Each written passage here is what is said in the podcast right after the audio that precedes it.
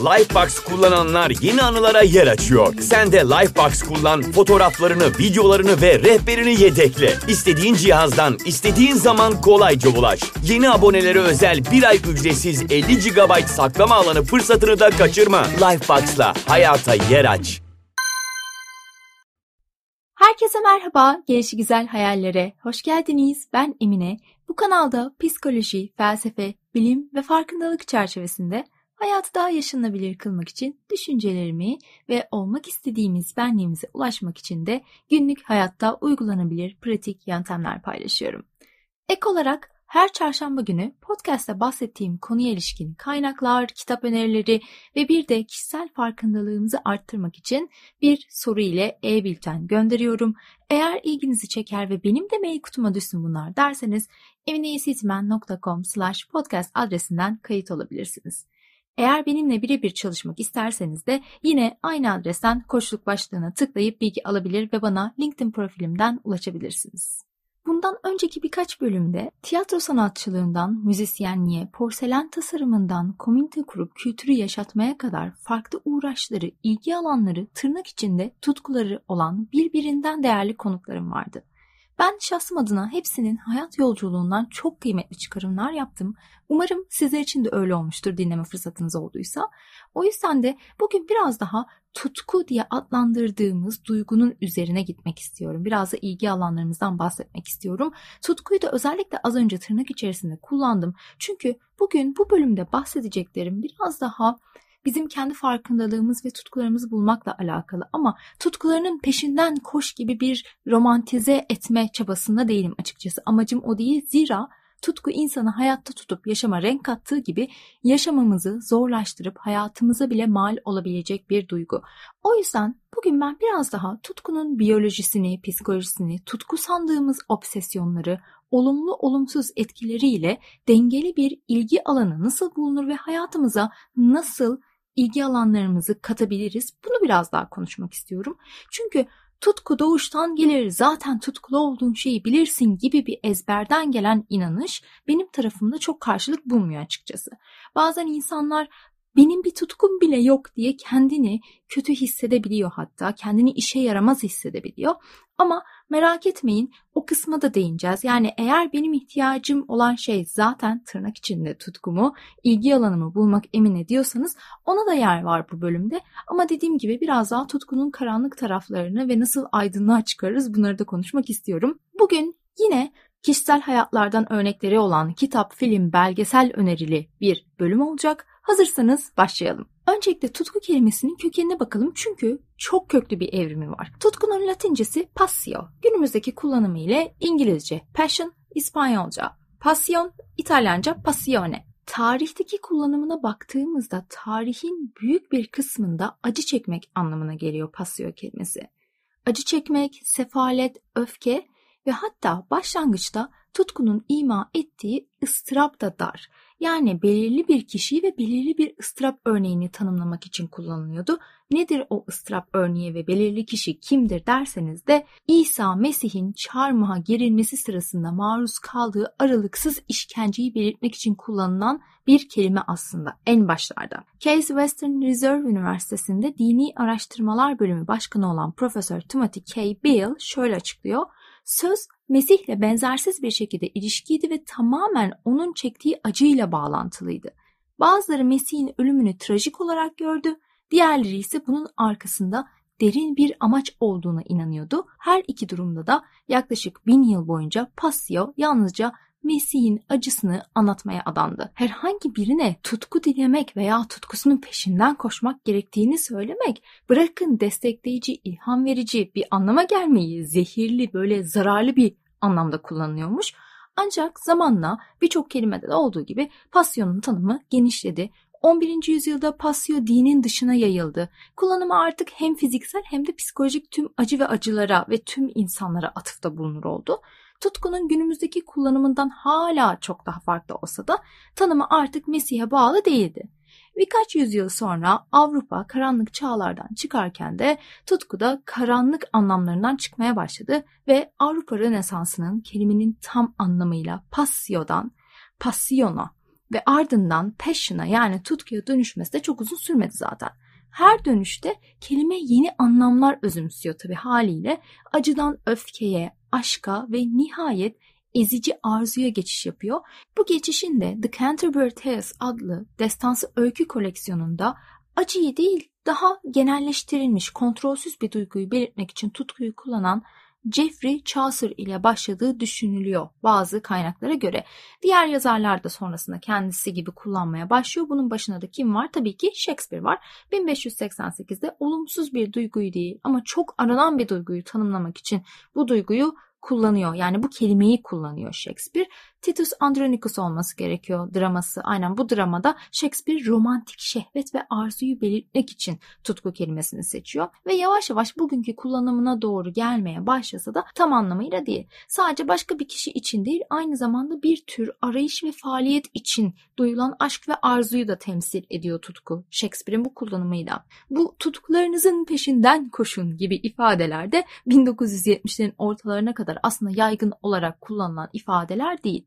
Ama işte 70'lerde baby boomerların reşit olması, 2. Dünya Savaşı'nın üstünden vakit geçmesiyle bununla beraber insanlar hayatta kalma modundan çıkıp artık kendini gerçekleştirmeye başlıyor ve hayatı sorgulamalar da çoğalıyor haklı olarak ve tutku biraz daha şimdiki anlamına evrilmeye başlıyor. Hatta Bon Jovi sever misiniz bilmiyorum ama ben çok severim.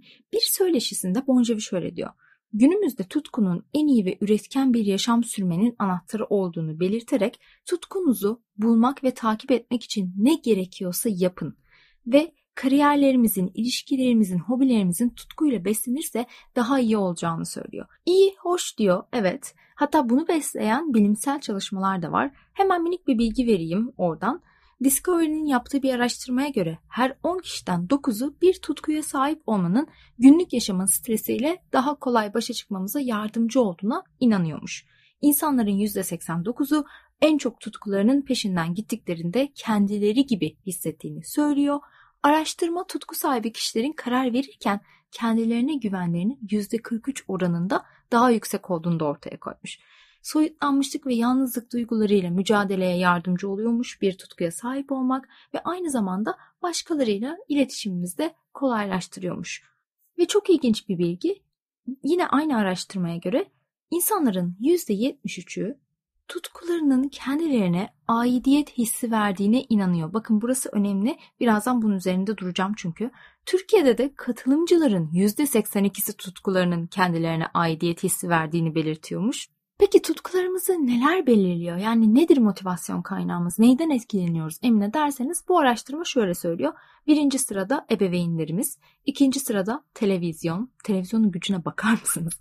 Üçüncü sırada da arkadaşlarımız var. Çevremiz yani arkadaş etkisi ki bununla alakalı çevremiz bizi nasıl etkiliyor bölümünde de detaylıca bahsetmiştim. İsterseniz oradan da dinleyebilirsiniz. Şimdi Tutkuların karanlık yanlarına gelmeden önce faydalarını kabaca toparlayacak olursam bir kontrolün bizde olduğu duygusunu veriyor. 2 hayata karşı daha iyimser olmamıza yardımcı oluyor. 3 özgüven veriyor. 4 tatmin sağlıyor. 5 başkalarıyla etkileşim içinde hissetmemizi sağlıyor. Ama obsesif bir tutku olmadığı sürece bu faydaları görüyoruz. Bunu tekrar altını çizmek isterim. Az önce bahsettiğim gibi kelimenin asıl anlamını bu kadar çabuk silip atamayız. Çünkü birçok yönden tutku ve ıstırap hala birbirine bağlı. Bu arada bu araştırmayı ben Selin Yetimoğlu'nun canım arkadaşım Selin'in bir postundan aldım. Kendisine de buradan teşekkür edelim. Hatta onunla da sevdiğin işi yapmak mümkün mü diye bir bölüm çekmiştik. O da çok güzel, çok beslendiğim bir bölüm olmuştu. Merak ederseniz oradan da bakabilirsiniz. Şimdi gelelim tutkunun biyolojisine. Eğer hayatınızda zamanı unuttuğunuz Mihail Csikszentmihal'in deyişiyle akışta olduğunuz ve kendinize ait hissettiğiniz belli aktiviteler varsa ya da benzer hikayeler dinlediyseniz ya da belki biyografiler izlemişsinizdir. Bu tutkulu yaklaşım besleyen şey dopamindir arkadaşlar. Dopamin bizi motive eder, dikkatimizi üzerinde çalıştığımız şeye odaklayarak bizi heyecanlandırır ve harekete geçirir sevdiğimiz, keyif aldığımız bir şeyi yaparken de o şeyle ilerleyişimize şahit olurken de o dopamin etkisi altında kendimizi canlı hissederiz değil mi?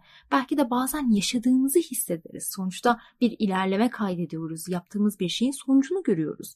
Peki tam olarak nasıl işliyor bu süreç Emine diye soracak olursanız. Dopamin beynimizde ilkel bölgelerden daha yakın zamanda evrimleşmiş alanlara doğru yol alıyor. Yani bizi bir hedefe doğru iten ve yakında bir ödülün geleceği beklentisini yaratan bir dizi nöral reaksiyon başlatıyor. Mesela şöyle örnek vereyim. Tutkunuz yazmaksa ve bir kitap yazıyorsanız o kitabı bitirdiğinizde daha iyi hissedeceğinizi düşünürsünüz. Çünkü başarmanın tatmini o dopamin sayesinde olur. Ya da bir üreticiyseniz yeni bir ürün piyasaya sürdüğümde tatmin olacağım diye düşünebilirsiniz. Sonuçta insanlar bir aktiviteye başlarken bir şekilde aksiyon alırken onun sonucunda nasıl hissedeceğine odaklanarak yapıyor değil mi? Ya da tutkunuz bir kişi ise o kişiyle birlikte olabilirsem daha mutlu olacağım diye de düşünebilirsiniz. Buraya kadar tamam. Bunlar tutkunun büyüsü ve biz tutkunun büyüsü altındayken peşinden koştuğumuz ödül aslında bir yanılsama. Genellikle bir çeşit memnuniyet ya da doygunluk getiriyor bize. Peki biz o doygunluğa ulaşınca sonrasında ne oluyor? Boşluk. İşte burada önemli bir ayrım var çünkü biz çoğu zaman insan olarak başarıyla ilgili duyguya değil, kovalamacayla ilgili duyguya takılıp kalıyoruz. Bu bitmeyen özlemin biyolojik bir temeli var. Bir hedefe ulaştıktan sonra salınan diğer iyi hissettiren nörokimyasalların aksine çok daha güçlü olan dopamin daha önce takip sırasında salınıyor. Bu zamanlamanın önemli bir evrimsel amacı var eski zamanlarda. Avcı toplayıcı atalarımız acil beslenme ihtiyaçlarını karşılamakla yetinmiyor. Tabii ki kaçınılmaz kıtlık zamanlarında bunlara daha hazırlıklı olmak için yiyecek biriktirmeye devam etmeleri gerekiyor değil mi? Yani yiyecek biriktiriyorlar ve sonuç olarak türümüz güçlü bir nörokimyasal olan dopaminin yoğun arzu duygularına yol açacağı ve genellikle bizi mutlu ve tatmin hissettiren diğer nörokimyasalları bastıracak şekilde evrimleşti diyor bilim insanları. Peki dopamin arzu ve motivasyonun molekülü ise basit ama güçlü bir biyolojik gerçek olarak şunu söyleyebiliriz. Dün insan türünün hayatta kalmasından günümüzün çığır açan bilimsel keşiflerine kadar tarihin en büyük başarılarının bazılarının sorumlusu, daha doğrusu vesile olmasının kaynağı dopamindir. Bu aslında doğru bir yaklaşım olabilir. Evet. Ama burada dopamin ve tutku ilişkisini biraz daha somutlaştırmak için bir örnek vermek istiyorum. Bu bölümü hazırlarken Passion Paradox diye bir kitap okumuştum. Türkçe çevirisini bulamadım ama İngilizce versiyonu newsletter'a eklerim. Kitapta tutku ile bağımlılığın nörolojik anlamda ne kadar benzer olduğundan bahsediyor ve hatta işlerini tutkuyla yapan sporcuların, sanatçıların ya da aklınıza kim gelirse artık emekliye ayrıldıktan sonra madde bağımlısı olmalarını da bu benzerlik çerçevesinde açıklıyor. Neden? Çünkü birisi bir aktiviteyi ne kadar çok tekrar ederse özellikle de dışsal motivasyon içeren bir ödül, örneğin altın madalya kazanmak, terfi almak ya da işte romantik partneri cezbetmek ya da para kazanmak gibi olumlu geri bildirimler veren aktivitelerden bahsediyorum. Beden dopamine o kadar çok ihtiyaç duyuyor. Bu tür çabaları her sürdürdüğümüzde uyarılma, dikkat ve motivasyonumuzu arttıran dopamin salınıyor ve zamanla diğer bağımlılık yapan maddelere benzer bir süreçte beynimiz dopamine karşı daha az duyarlı hale geliyor. Yani kendimizi iyi hissetmek için daha fazlasına ihtiyacımız var daha fazla dopamin salgılamak için daha fazla şey yapmak istiyoruz. Hani bir aralar böyle dopamin detoksu falan modaydı ya bir sürü kaynaklarda şeyler okumuştuk, dinlemiştik falan. Bu da oradan geliyor. Şimdi ilginç bir bilgi vereyim. Tutku olarak deneyimlediğimiz şeyin bir kısmında genetik kodumuzdan kaynaklanıyormuş. Ben bunu okuduğumda çok şaşırmıştım ve nörokimyamız tarafından da güçlendiriliyormuş. Bazılarımız mesela daha ısrarcı bir eğilimle de olsa da yine de hepimiz anlamlı etkinliklerin tekrarına bağımlı olabilecek kapasitedeyiz. Bu ister bir maraton koşmak olsun, ister gitar çalmak olsun, ister bir şirket kurmak olsun ya da bir kişinin kariyerinde hızlanmak, isterse romantik bir ilişkinin derinliklerine düşmek olsun, bir şeyin ya da birinin peşinden koşmak için yoğun bir dürtü hissettiğimizde dopamin beynimize akarak o anda kendimizi iyi hissetmemize ve gelecekte daha fazlası için geri gelme isteği duymamıza sebep oluyor. Şimdi buraya kadar tutkunun biyolojisini anlatabildiğimi düşünüyorum. Yani tutkunun biyolojisinin arkasındaki en büyük etmen dopamin. Tamam. Peki tutku sadece biyolojiden mi oluşuyor? Tabii ki değil. Bunun arkasında psikoloji de var. Ve burada size bir örnek vermek istiyorum. Beni çok etkiledi bu örnek. Cyril Lindley isimli Amerikan bir triatlon atleti kitapta vardı az önce bahsettiğim kitapta. 26 yaşında triatlon ile tanışıyor. Gecesi gündüzü her şeyi antrenman. Triatlon en büyük tutkusu ve tüm hayatı triatlon çerçevesinde dönüyor. mesleğinin zirvesindeyken hayatının yarışlarından birinde Siri birdenbire koşu parkurunda duruyor ve yürüyerek parkuru terk ediyor.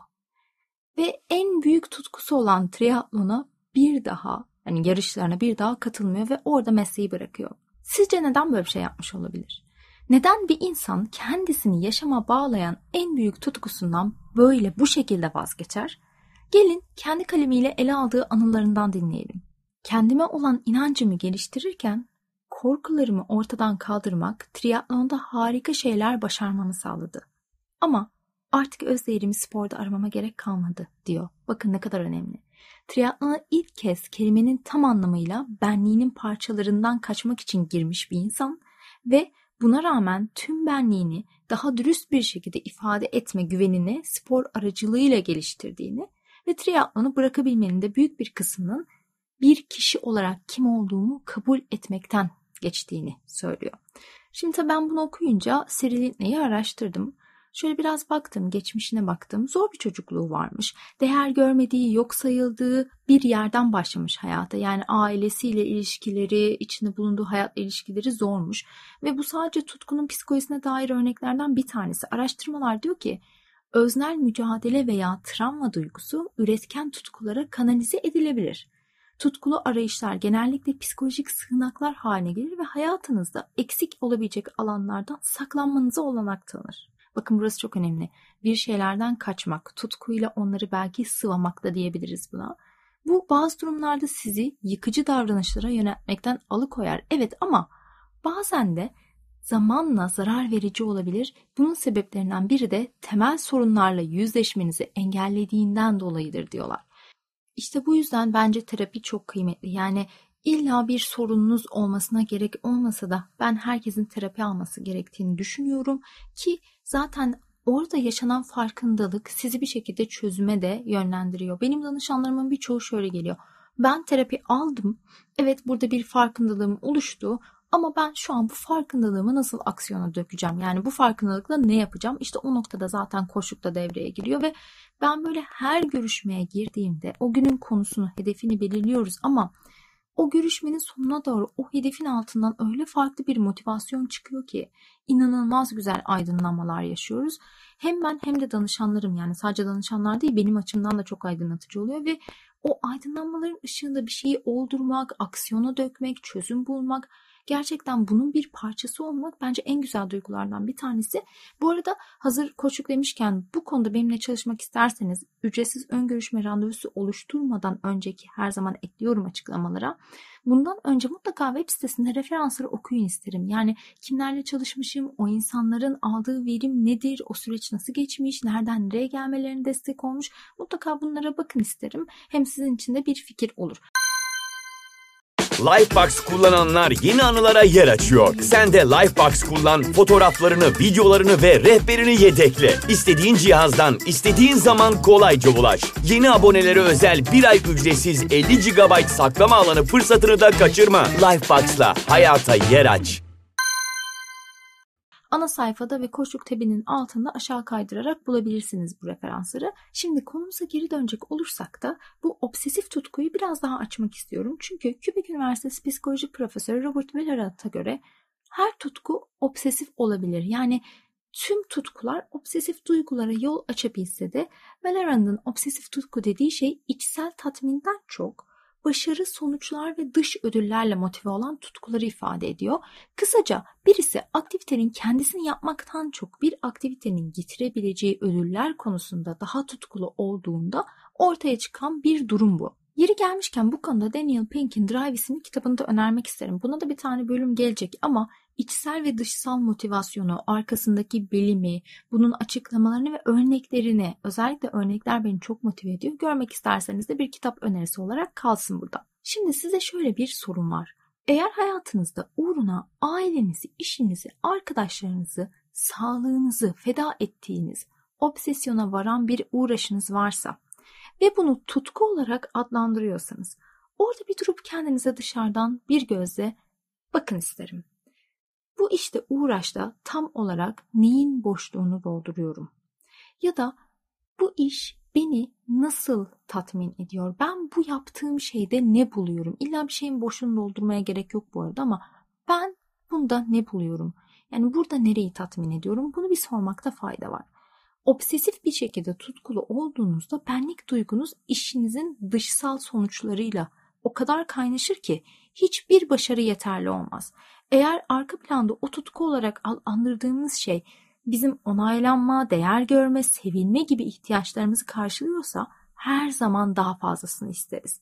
Daha fazla onay isteriz, daha fazla para isteriz, daha fazla ün isteriz ve bu bahsettiğim şey davranış bilimcilerin tabiriyle hedonik adaptasyon, Buda'nın tabiriyle de ıstırap. Ve araştırmalarda burada diyor ki obsesif tutkuları somutlaştıran insanlar başarısız olduklarında kendilerine göre tırnak içinde söylüyorum bunu aksilikler yaşadıklarında ve hatta sadece nötr kaldıklarında bile tamamen harap olmuş hissederler. Yani obsesif tutku, kaygı, depresyon, tükenmişlik ve etik olmayan davranışlarla da bağlantılı olabilir diyor ki kitapta da baya böyle örnek vardı. Bu obsesif tutkularla alakalı çok fazla örnek var. Zaten hani şu an tarihe baktığınızda sporculara, sanatçılara baktığınız zaman görüyorsunuzdur muhtemelen ama ben bununla alakalı çok bilinmeyen bir belgesel paylaşmak istiyorum. Werner Herzog'un bir belgeseli ve çok severim onun yayınlarını. Grizzly Man diye bir belgesel. Belgesel Timothy Treadwell isimli bir çevreci aktivistin ayılara olan tutkusunu, boz ayılara olan tutkusunu ve onları koruma tutkusunu anlatıyor ve bu tutkunun sonucunda da bir ayı tarafından nasıl vahşice parçalanıp öldürüldüğünü konu alıyor. Ama buradaki sorun şu, bu boz ayılar hayatını kaybetme tehlikesinde değil. Zaten bu yüzden çok eleştiriliyor. Gidiyor işte Alaska'da hiç insanların girmemesi gereken yerlerde kamplar kuruyor, ayılarla iletişime geçiyor. Belgesel irite edici bir belgesel bu arada. Özellikle Timothy'nin yayını çok fazla, 100 saatten fazla bir çekimi var ve belgeselde bol bol yer veriliyor ve izlerken zaten yani bu adamda bir şeyler normal değil diye anlıyorsunuz. Ama o belgeseli izlenilir kılan şey Werner Herzog'un soruları, Timothy hakkında yaptığı yorumları ve olaya bütünsel olarak bakışı. Orada şeyi görüyorsun. Belgeselde bir yerde diyordu ki Timothy Bundan önce bir hayatım yoktu ve şimdi hayatım var. Ben onlardan biriyim. Bu ve benzeri cümleleri çok duyuyorsunuz. Yani aslında o tutkusunun arkasında bir yere ait olma isteğinin ya da bir şeylere sahip olma isteğinin olduğunu görüyorsunuz. Ve şeyi görüyorsunuz belgeselde. Yani bir insanın hayatını nasıl tehlikeye attığını ve ne kadar uca gidebileceğini, neden böyle bir şey yaptığını, o arkasındaki duyguları eğer bu gözle izlerseniz belgeseli net bir şekilde biraz daha anlayabilirsiniz diye düşünüyorum. Ama hani keyif alayım, güzel bir belgesel izleyeyim diyorsanız dediğim gibi o belgesel bu belgesel değil. Bir de John Fowles'ın koleksiyoncu kitabını anmadan geçmek istemem burada. Kitabın sonlarına doğru ana karakterlerden birinin günlüğüne yazdıklarını çok çarpıcı bulmuştum. Bence muazzam bir insan ve toplum analiziydi. Ve o tutku sandığımız şeyin bir insana karşı özellikle tutku sandığımız şeyin arkasındaki psikolojiyi de oldukça iyi açıkladığını düşünüyorum. Onun dışında Jiro Dreams About Sushi var. Yine böyle bir sushi ustasının hayatıyla alakalı, sushi'yi nereye koyduğunu hayatında bu tutkusunu anlatan bu güzel tatlı bir belgesel. Bir de Finding Vivian Mayer diye bir belgesel var. Bu da aslında dadılık yapan bir kadının fotoğraf çekme tutkusunu anlatan bir belgesel ve bu kadıncağız yaşamında hiçbir şekilde ünlü olmuyor. Çünkü hep kendine saklıyor fotoğraflarını ve bu fotoğrafların ortaya çıkması da şöyle oluyor. Fotoğraflarını bu filmlerin negatiflerini tuttuğu deponun son iki sene, ölmeden iki sene önce parasını ödeyememeye başlıyor ve bu fotoğraflar açık arttırmaya çıkıyor.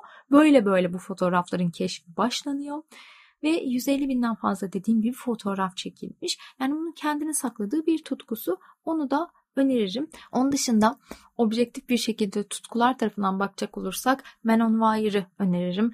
Bu ikiz kulelerin arasına ip girerek yürüyen adamın hikayesi. Whiplash yine çok sevdiğim filmlerden bir tanesidir. Bu bahsettiğim belgeselleri, filmleri, o tutkunun arkasında ne var? Onun arkasındaki motivasyon nedir? gözüyle eğer izlerseniz orada görebilirsiniz.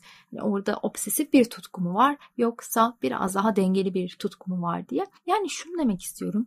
Benlik duygumuz dış sonuçlara bağlı olduğunda kaçınılmaz olarak çaresizlik geliyor değil mi? Neredeyse tüm başarılar en azından bir dereceye kadar başarısızlık içeriyor. Bu bizim nasıl öğrendiğimiz hatalarımızdan nasıl ders çıkarıp ondan sonrasında üstüne koyduğumuzla alakalı.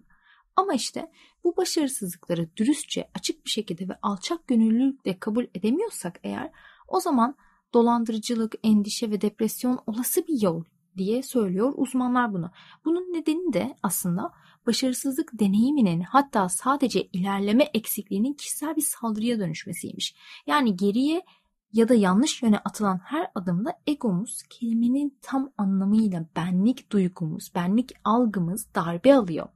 Eğer çok güçlü yıkıcı bir tutkunuz varsa eğer yani benliğinizle birleştiyse o tutkunuz birileri sizi eleştirdiğinde ya da sizi değil de hani tutkunuzla alakalı yaptığınız ürünle alakalı diyelim ki bir şey eleştirdiğinde bunu kişisel alırsınız.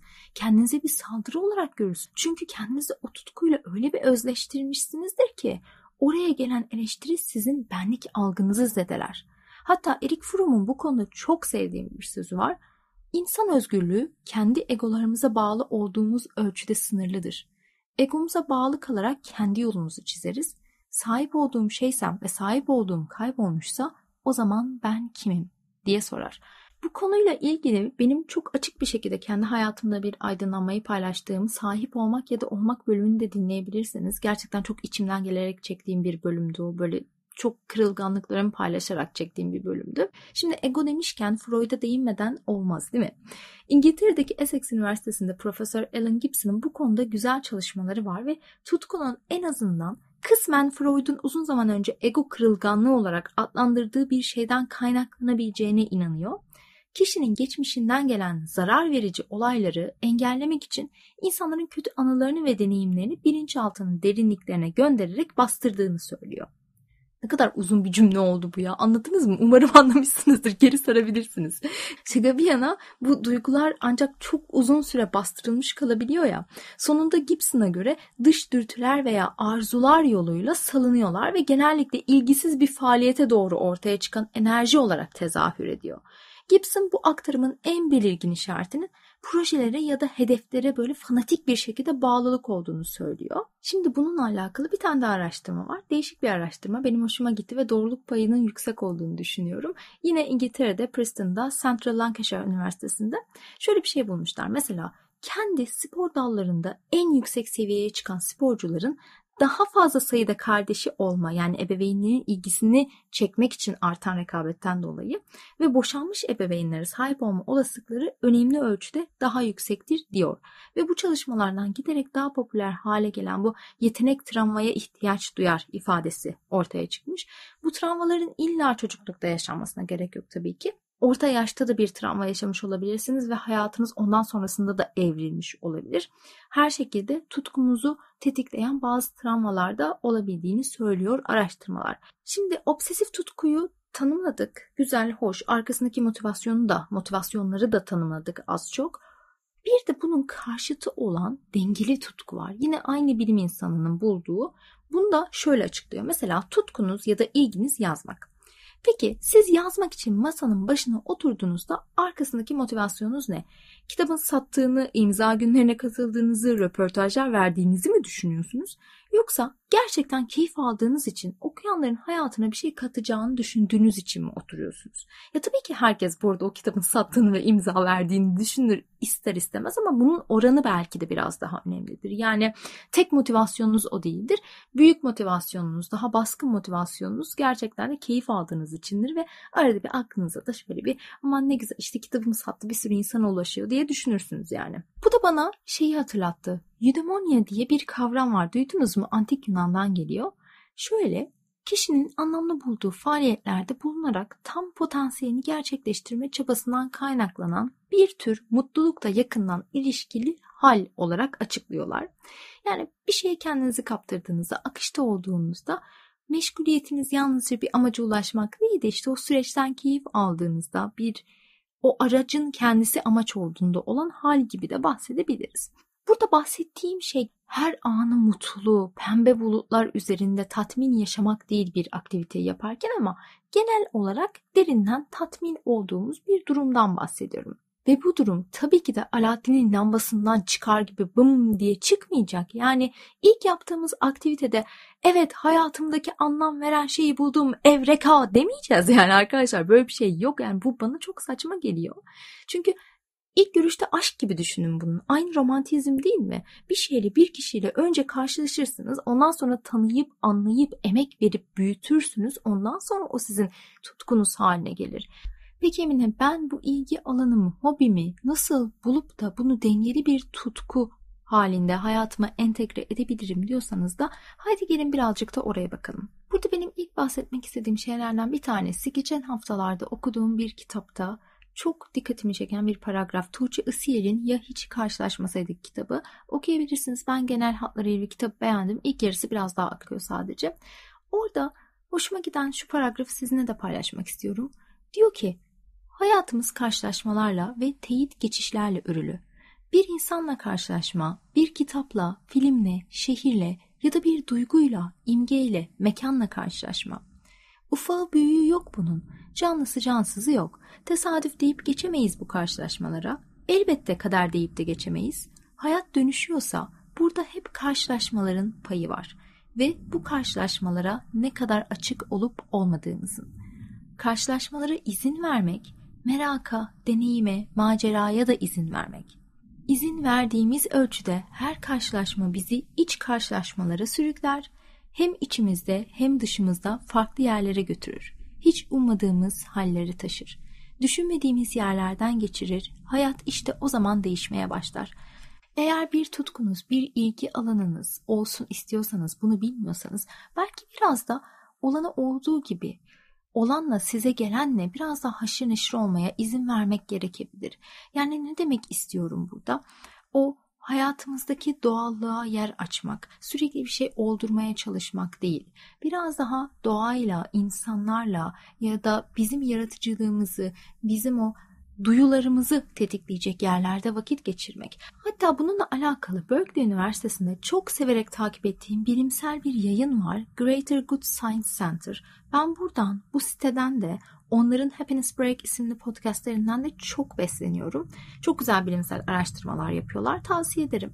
Ve orada Dr. Kentner diye bir bilim insanı var. Bu Dr. Kentner'ın da Üzerinde en çok çalıştığı konulardan bir tanesi İngilizce o dediğimiz huşu, merak, hayranlık duyguları.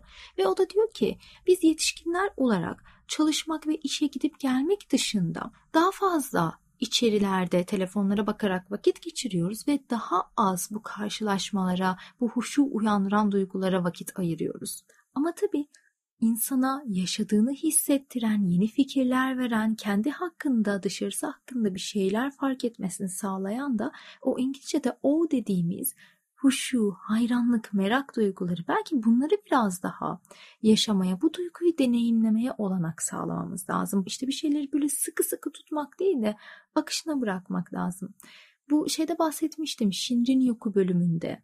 Farkındalıkla Yürüme podcastinde. Buralardan faydalanabilirsiniz. Farkındalıkla yürüme demişken burada da bir kitap önerim olsun. Daha önceki bölümlerde bahsetmiştim ama Yürümenin Felsefesi isimli kitabı okumadıysanız mutlaka ki okuyun.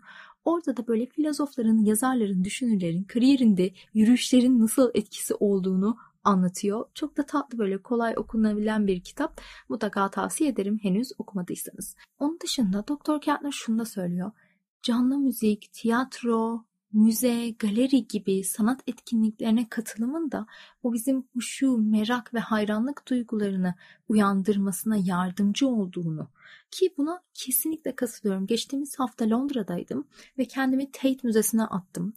Ve size anlatamam yani o kadar büyülendim ki o eserlerin renklerine, şekillerine bakarken yani bir insan bunu yaparken ne düşünmüş acaba ya da nasıl kafalar var dünyada diye böyle çok mutlu ayrıldım müzeden. Hiç ayrılmak da istemedim aslına bakarsanız ama vaktim yoktu. Trene yetişmem lazımdı.